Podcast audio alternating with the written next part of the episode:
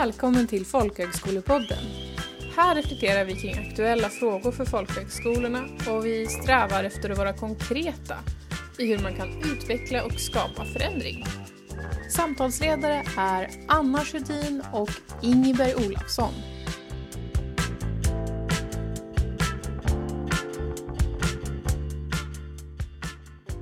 Idag träffar vi Micke Ljunglin som arbetar som mental tränare och ansvarar för studerandehälsan vid Västerbottens folkhögskola. Temat för dagens samtal är vad vi själva kan göra för att träna upp vår mentala styrka och för att klara utmaningar bättre.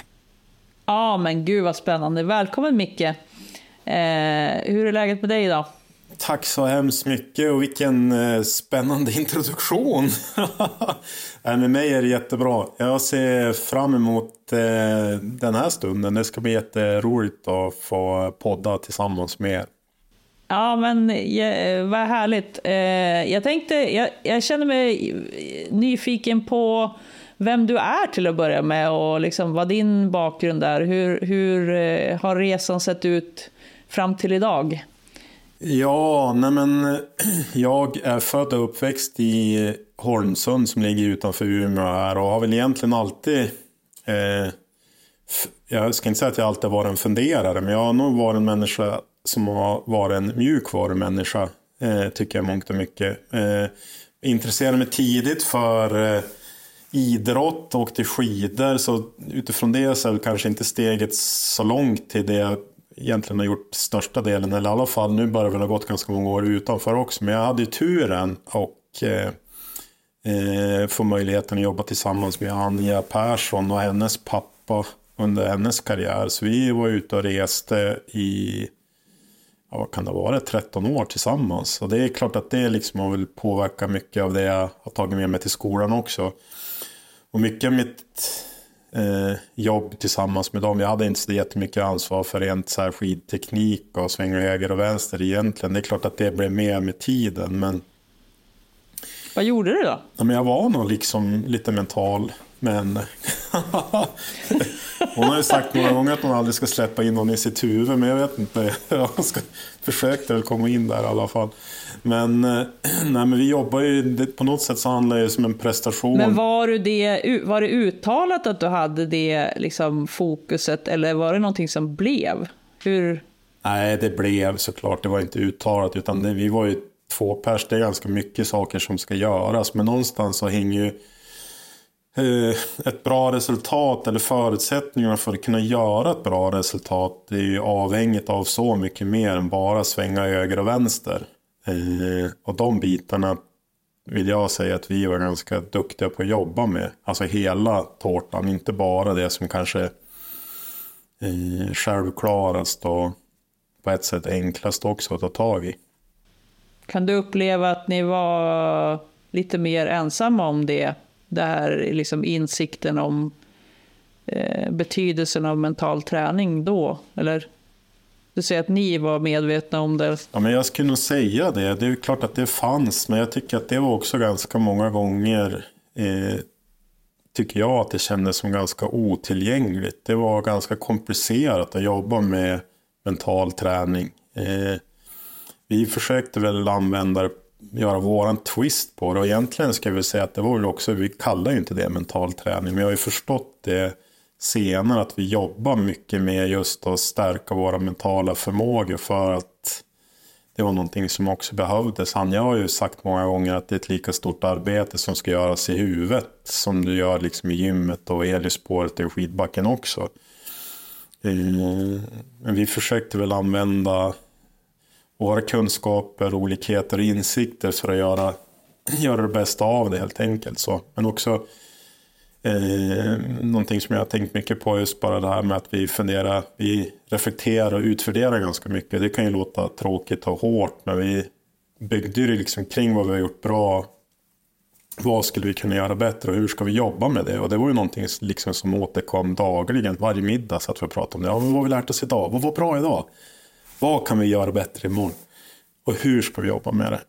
Och det är ju liksom inte så att man ser en förändring från en dag till en annan. Men jobbar man så över tid så hinner man ju göra jättemycket. Ja, men en sån här sak som när Anja tog det här berömda bronset eh, på OS 2010 efter att hon hade eh, vurpat ordentligt och liksom hade blåmärken över hela kroppen.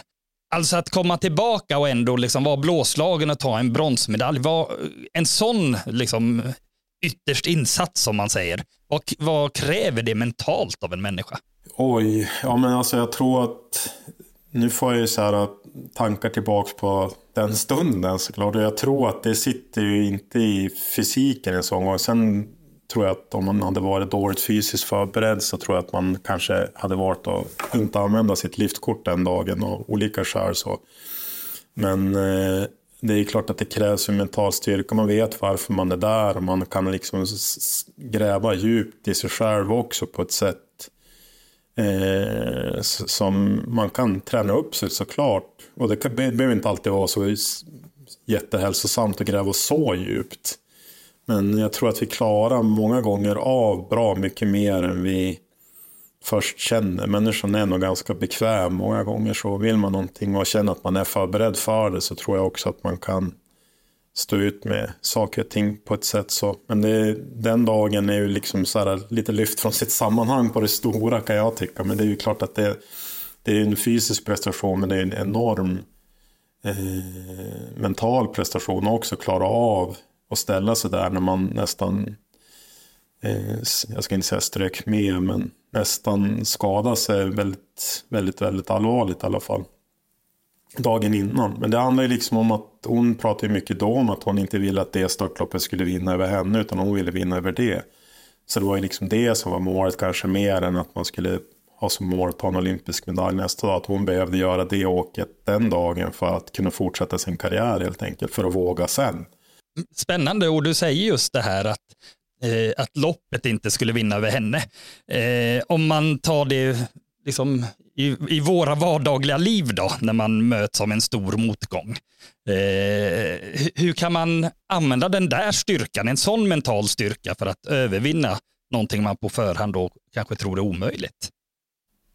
Jag tycker att eh, jag tycker att just det där som jag sa för en liten stund sedan, men vad gjorde jag bra, vad kan jag göra bättre och hur?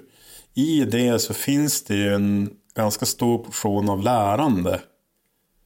Och även om jag gör någonting som går jättedåligt och det kan kännas som en jätte, jättestor utmaning och någonting som jag verkligen känner att det här gick inte bra när jag precis har gjort det.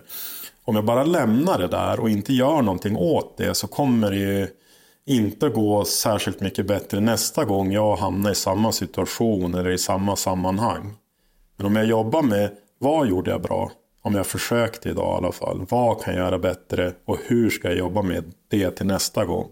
Så har jag gett mig själv möjligheten och förhoppningsvis också förutsättningen att lösa den situationen och det sammanhanget på ett lite bättre sätt nästa gång. Och jobbar man så över tid eh, och tar de här små stegen med att de är i en bra riktning så kommer ju saker att hända som är liksom hjälpande på det sättet. Så. Och så tror jag att man kan tänka mycket kring sina egna utmaningar. Att man ofta tycker att det här var jobbigt, nu ska jag aldrig göra det igen.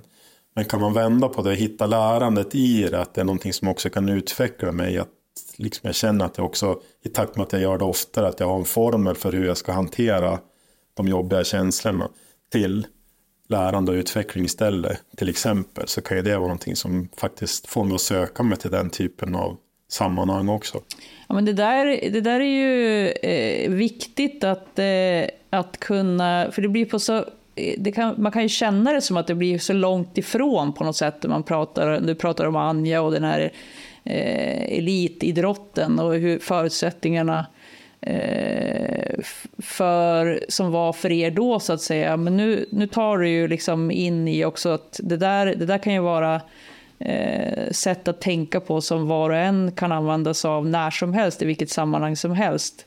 Eh, och det är ju intressant vilken nytta du har idag av, alltså när du är på folkhögskolan och jobbar med deltagare av det som fanns då? Vad, vad, du bär med dig in, så att säga, vad du har för nytta av det? Hur, hur tänker du runt det själv?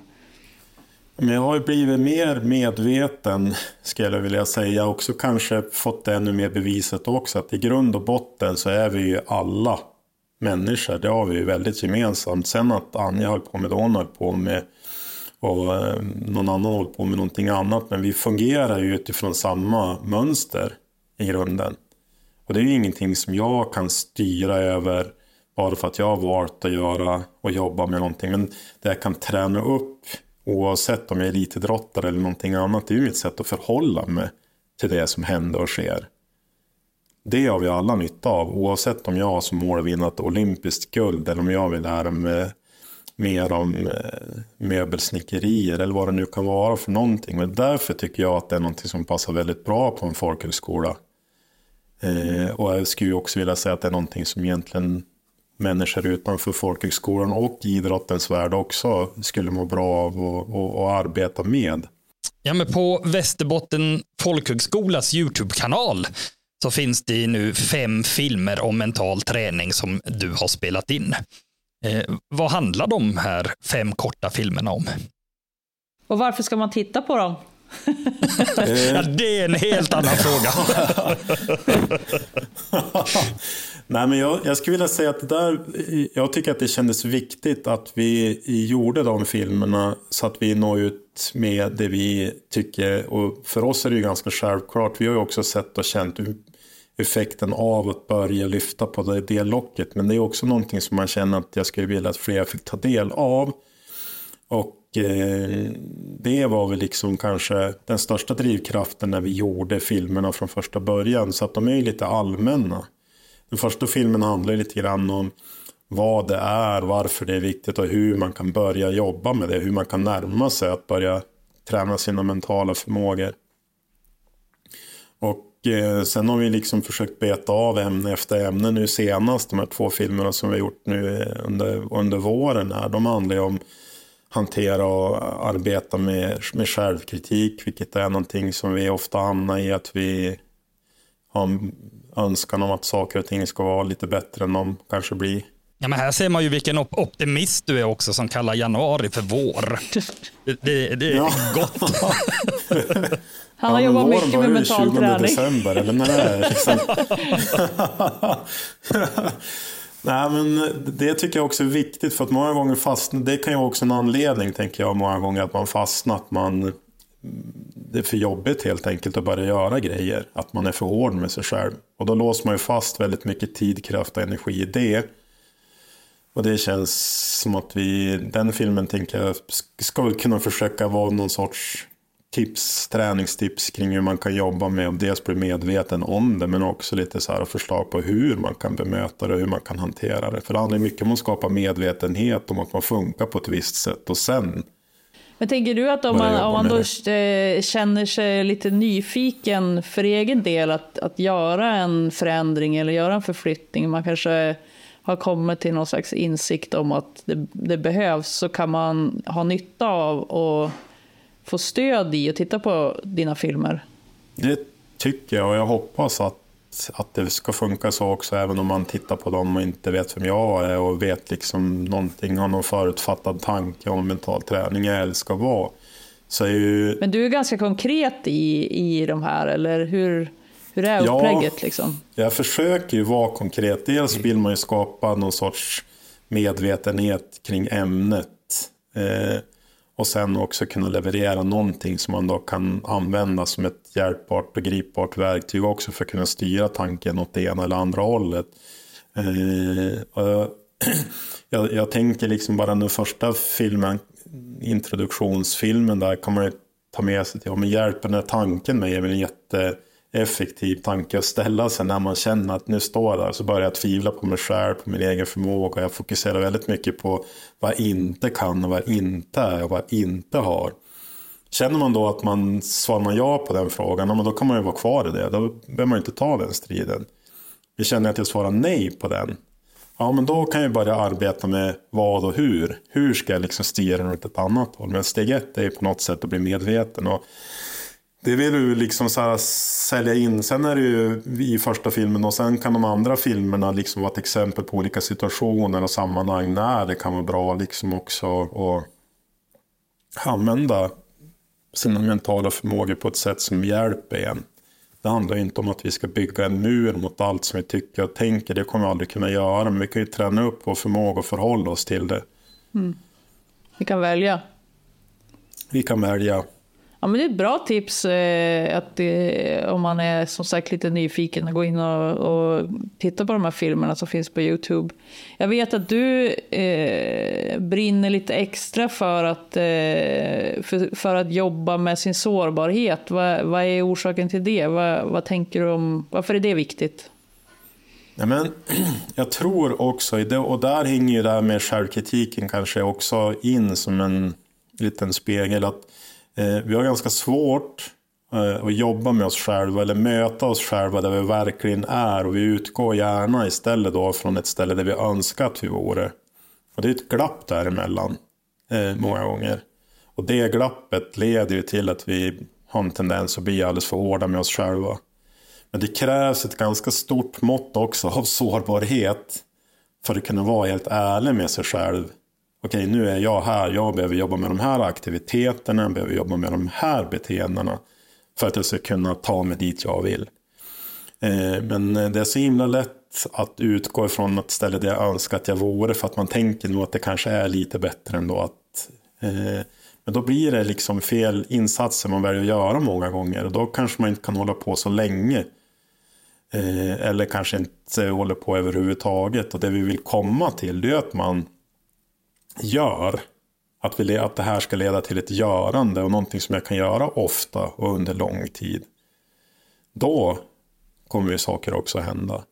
Eh, men jag tänker att det där är som en viktig sak också när man jobbar med människor. Att jag måste också möta dem där de är, inte där jag önskar att de vore. Och det krävs ju ett uns av sårbarhet hos mig också och jobba med de bitarna. För att jag måste möta människan där den befinner sig för att jag ska både förstå den bättre men också kunna jobba med den personens behov, önskemål och förutsättningar. Och allt vad det nu kan vara. Så att, och styra in rätt tips och tricks och utmana den personen på rätt sätt. Så. Men Micke, jag vet, jag har hört dig en gång berätta en historia som jag tycker var jättebra eh, kopplat till det här resonemanget om, eh, jag tror att du skulle åka Vasaloppet va? Kommer du ihåg? Ja, det här med ja, men jag tycker den är så himla tydlig. Ja, ja jag tycker den är så berätta? tydlig. Vi var några eh, kompisar som pratade om att vi skulle åka Vasaloppet för ett gäng år sedan. Så, eh, och så bestämde vi att vi skulle köpa nya skidor. För alla tyckte vi liksom att man behövde nya skidor om vi skulle, bli, skulle kunna genomföra det här på ett bra sätt. Så vi beställde fyra såna, eller vi beställde varsitt par och såna här skinsskidor som har liksom ett spann som man måste tala om hur mycket man väger för att, att det ska bli rätt. Och sen är det som en stigud under den. Då behöver man inte hålla på liksom och greja med fästfall och klister och allt vad det kan vara. Vilket liksom gör att det kanske blir lättare att träna lite oftare. Eh, men då måste man vara helt, för att det här ska bli bra så måste man också vara helt ärlig med hur mycket jag väger. Och där var vi ju två. Nu tillhörde jag en av de två vill jag faktiskt bara liksom för sakens skull stela in. Jag var en av de två som klarade av att säga så att jag väger så här mycket nu. Eh, men vi hade två stycken av oss som nog utgick väldigt mycket från sitt önskvärda läge eller sin önskvärda vikt. Någonting som de hade för tio år sedan typ. och tänkte att ja, men om jag liksom bara tränar lite hårt så kommer jag hinna dit. Det gjorde ju att de fick ju ett spann som inte passade dem alls. De hade ju grymt bra fäste men de hade ju helt uselt glid också. Det gjorde ju liksom att det inte gick. Och det, det är väl ett, som en tydlig sak, tänker jag, som kan visa på vikten av att våga. Men det kan ju sitta hårt i en. Det kan vara jäkligt svårt att nå fram dit. Och det kan ju vara bra liksom att prata med någon som man har, inte bara liksom kring sin egen vikt och synen på den. Men i, i det fallet för att jag ska kunna möta mig själv det jag är och inte det jag önskar att jag vore så kan det vara bra att bolla det med någon som kan hjälpa en genom frågor och utmaningar och, och ta sig dit. Mm. Jag tycker det där är ett jättebra exempel på vad eh, liksom konsekvensen blir av att inte riktigt vilja eller våga se hur, hur saker är. Och, och eh, jag tänker att det ofta är så för liksom, för oss alla, eh, kanske i början av en process, att man gärna eh, försöker för, ja, men, eh, försöker undvika eh, att se om det är någonting som är problemet. Man undviker att se vad som egentligen är problemet, för det är ju ganska jobbigt och svårt. Det är en svår process. Så det är väl, eh, tänker jag, ett jättebra tips att det kanske behövs eh, Också det där att man kanske behöver lite vägledning när man ska göra ett sånt jobb. Någon att prata med som kan ge stöd och som kan liksom eh, hjälpa till att titta på en själv på olika sätt. Ja, men jag tror, jag tror faktiskt jättemycket på just den processen. För att man sitter ju sällan på alla svaren själv. Att det kan ju vara väldigt nyttigt att ta någon som, liksom, om inte det är en person som känner det, så kanske en person som kan ställa rätt typ av frågor så att jag når fram till det själv. Vad fasen, just det, nu är jag här, då måste jag faktiskt jobba med de här sakerna först och främst. Eh, lite, nu kopplar jag tillbaka till de här filmerna som vi har gjort. Den sista filmen tror jag det är som handlar om det här med att komma igång. Eller om det är den näst sista, men det är i alla fall en av de här två som vi har gjort under våren. Handlar ju mycket om det. För, för i grunden så är det när vi gör som saker händer. Det är ju inte liksom att jag sitter i soffan och tänker att jag borde göra. Då händer det ju väldigt lite fortfarande. Men hur man kan jobba med det, att komma igång. Och det tycker jag det ju, spelar ju ingen roll, återigen, om man jobbar med idrott, om man är politiker, om man läser på en folkhögskola eller om man är sjuksköterska eller vad man nu har för sysselsättning. Vi har ju eh, en tendens att funka på ett visst sätt och det leder ju ofta till att vi fastnar att jag borde. Så det är någonting som man kan behöva jobba med och försöka. Och där tycker jag liksom att det är ganska handgripliga tips som kan vara användbara att ta till sig av för att just komma igång. Och möta sig själv där man är. Att det handlar om tydlighet, att man inte bara liksom ska tänka på att jag borde. Då kan man försöka bestämma att ja, men tisdag förmiddag, då ska jag. Och så ska jag göra det på det här sättet. Att man bestämmer en tidpunkt till exempel. Och att man försöker göra saker lätt att utföra.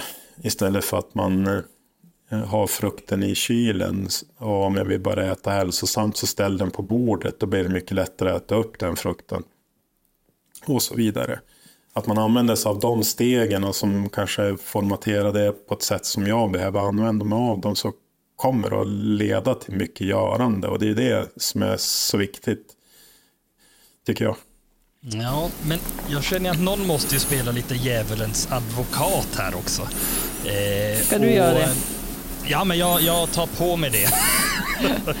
och, nej men alltså en vanlig sån där sak som man kan höra är ju att Ja men vadå, varför ska man teoretisera allting? Varför ska man liksom läsa böcker om mental träning och om att komma igång och Eh, ja, alltså det är väl bara att göra. Bit ihop, eh, bruk, ja men får man ju ganska ofta höra, liksom, bit ihop. Och jag tänker att du måste ju ganska, du som jobbar med mental träning måste ju eh, emellanåt möta just sådana här motargument mot mental träning. Eh, och vad skulle det kunna handla om i så fall? Alltså vilken typ av motargument möter du? Nej, men jag, jag tycker det är en jätteintressant fråga och du har helt rätt. Det, det finns en hel del liksom, argument mot det. Eh, och ett är ju, tycker jag, att det finns en väldigt stark koppling till att det bara är någonting för människor som lever i högpresterande miljöer som behöver det här för att de ska kunna leverera varenda dag och vara sitt bästa. Det kan ju vara en sak som man måste jobba med och visa på effekten av att eh, i grunden så funkar vi på väldigt mycket samma sätt. Och, att, och jag, jag försöker liksom också många gånger när man ska möta argumenten att det handlar inte så jättemycket om mental träning. För jag tycker att det kan också låta lite flummigt och komplicerat ibland. Jag försöker liksom ofta använda mig av att man kanske pratar om att vi kan bli bättre på att skapa de förutsättningarna för oss själva som vi behöver för att kunna både må och fungera lite bättre. Så att det handlar ju om mitt eget ledarskap eller självledarskap som är ett ganska populärt ord just nu att arbeta med. Jag tycker att då sjunker liksom så här också den här barriären mot eh, när man byter ut ordet bara och kanske också får lite tid på sig att förklara eh, vad det är. Och jag tycker att många gånger när man möter människor också så kan de säga att de kommer till mig med en viss typ av utmaning som de vill få hjälp med att hantera.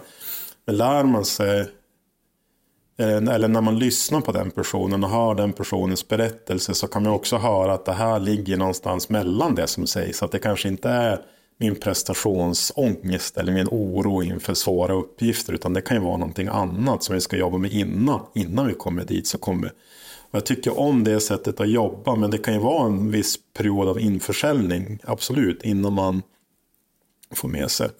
Men jag tror att eh, som var...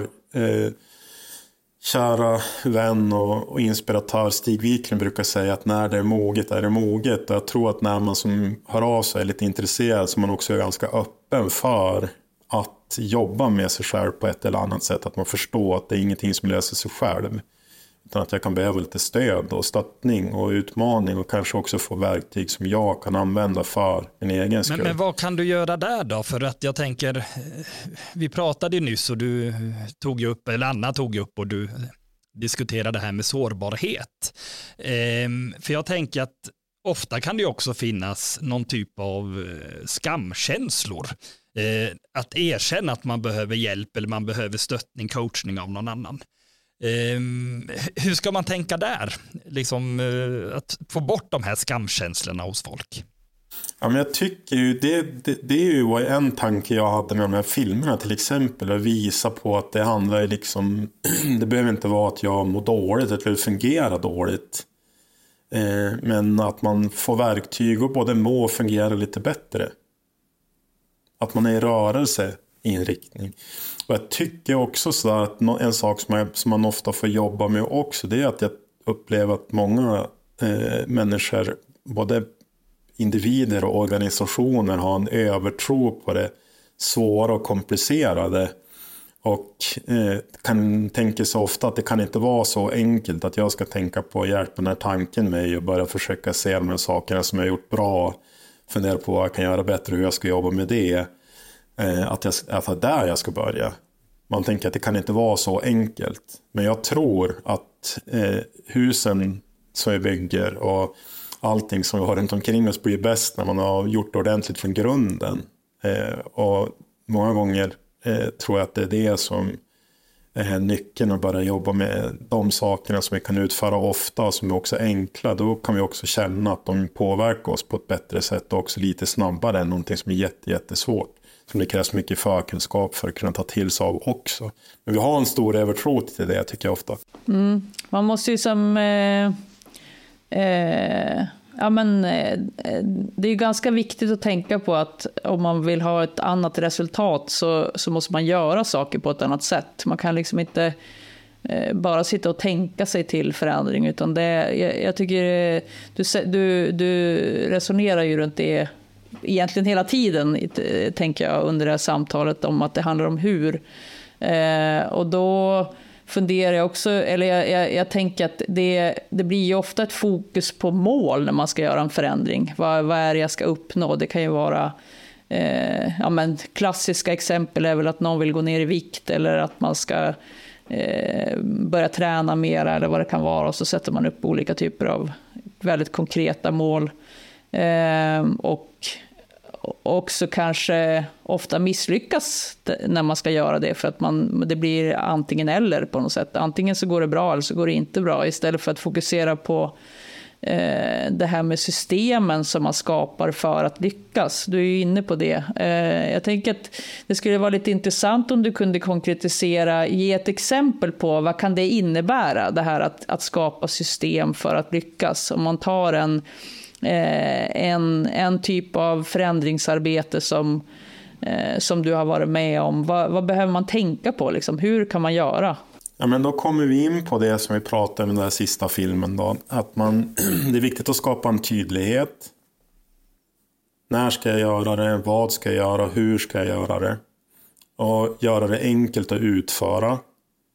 Och jag tycker också precis det du är inne på att man eh, inte tänker så jättemycket på målet utan man bryter ner det och så jobbar man med det som ska ta mig till målet, alltså min process.